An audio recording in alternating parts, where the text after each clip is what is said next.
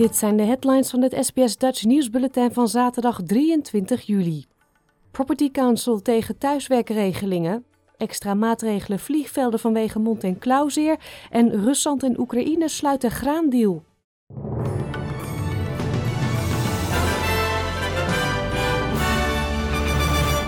De Property Council of Australia is tegen het voorstel van de vakbonden om werknemers thuis te laten werken nu het aantal COVID-19-infecties snel stijgt. De Financial Sector Union heeft opgeroepen om het recht om te onderhandelen over thuiswerkregelingen te formaliseren in toekomstige enterprise agreements met grote banken.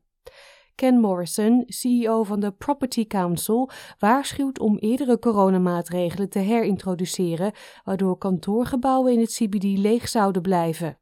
So the costs are borne not by the tenants in the office buildings uh, or by the building owners who the Property Council represents, but by the cafe owners, the restaurateurs, the, the small business owners, the retailers at the bottom of the buildings, the people who rely on people being in the city.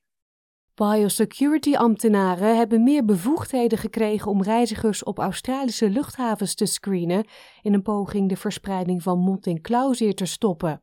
Sinds afgelopen nacht zijn daarom speciale response zones op de luchthavens ingesteld. Reizigers die terugkeren uit Indonesië zullen worden gevraagd zich te houden aan maatregelen zoals het verwijderen van schoenen of het lopen over sanitaire matten. De Verenigde Staten zeggen dat ze Rusland verantwoordelijk zullen houden voor de uitvoering van een door de VN bemiddeld akkoord om de Oekraïnse graanexport te hervatten. Deze wordt momenteel geblokkeerd door de Russische vloot op de Zwarte Zee. De nieuwe deal tussen Rusland en Oekraïne maakt de export van 22 miljoen ton graan mogelijk. De Oekraïense president Volodymyr Zelensky zegt dat het graan al wordt geoogst en dit jaar al beschikbaar zal zijn voor verkoop. These are the incomes of farmers, the entire agricultural sector, and the state budget. These are jobs. These are funds for next year's sowing session. At the moment, we have about $10 billion worth of grain. Secondly, Finally, there is a chance to reduce the severity of the food crisis provoked by Russia. There is a chance to prevent a global catastrophe. Het Wereldvoedselprogramma zegt dat de oorlog in Oekraïne ertoe heeft bijgedragen dat zo'n 47 miljoen mensen acute honger lijden.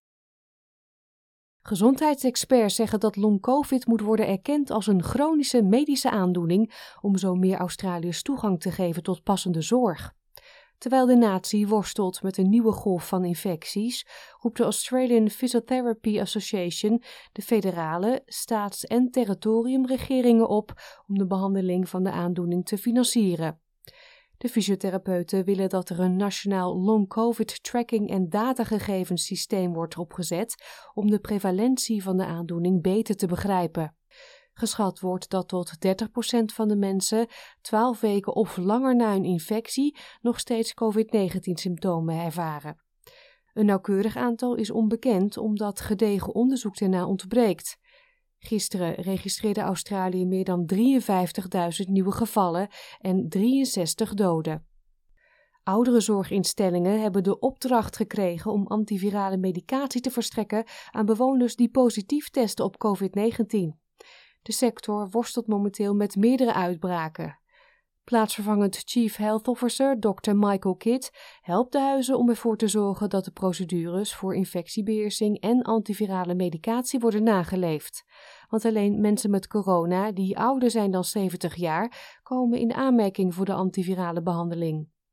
Paul Settler van de Aged and Community Care Providers Association bevestigde aan SBS Nieuws dat de antivirale middelen worden verstrekt met toestemming van de arts van de bewoner.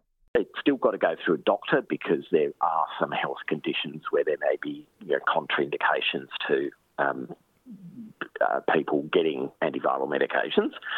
Uh, so that still has to happen, but there's no other limit other than the person's own individual health as to who can be administered the antivirals in residential care. De Amerikaanse president Joe Biden is aan de beterende hand nadat hij positief testte op COVID-19. De 79-jarige Biden zit momenteel in isolatie en zal naar verwachting zijn normale taken hervatten zodra hij negatief is. Perssecretaris van het Witte Huis, Karine Jean-Pierre, zegt dat de president goed reageert op medicatie, het antivirale medicijn Paxlovid. President Biden completed his first full day of Paxlovid last night. His symptoms have improved.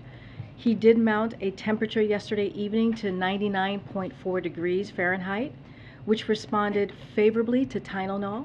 His temperature has remained normal since then. His symptoms remain characterized as runny nose and fatigue, with an occasional non productive, now loose cough. Perssecretaris voegde eraan toe dat geen van Bidens directe medewerkers positief zijn getest op het virus. Steve Bannon, de voormalig adviseur van Donald Trump, is schuldig bevonden aan minachting van het congres.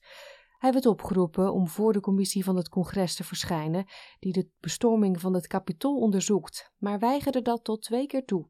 Ook hield hij zich niet aan een dwangbevel om voor 7 oktober 2021 documenten over te dragen aan de commissie. Volgens zijn verdediging stond de data nog niet definitief vast, maar hier ging de jury niet in mee. Hij riskeert tot twee jaar gevangenisstraf en een boete die kan oplopen tot 145.000 dollar. De rechter doet naar verwachting op 21 oktober uitspraak. Bannon zegt in beroep te zullen gaan. De politie in WA introduceert nieuwe culturele protocollen na het succesvolle gebruik van technologie, waardoor Aboriginals informatie in hun eigen taal kunnen horen. Iedere agent zal worden voorzien van stadspecifieke culturele kennis en protocollen die samen met Aboriginal community leiders zijn ontworpen.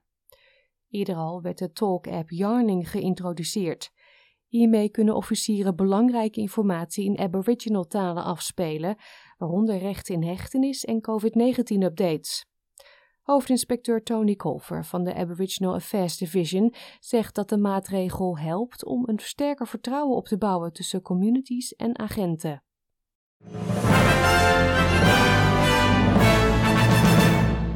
Krijgt u nog de weersverwachting voor vandaag? Buien in Perth, 19 graden. In Adelaide is het gedeeltelijk bewolkt, 17. Melbourne, daar ontstaan een paar buien, 16. Hobart gedeeltelijk bewolkt, 15. Het is ook bewolkt in Canberra en ook daar 15 graden. Wollongong buien, 17. In Sydney ook regen, maar de buien nemen daar af en daar wordt het 18 graden. Newcastle buien, 19. Het is gedeeltelijk bewolkt in Brisbane, 21. Cairns overwegend zonnig, 26. En ook in Darwin schijnt de zon en daar wordt het 29 graden. Dit was het SBS Dutch nieuws.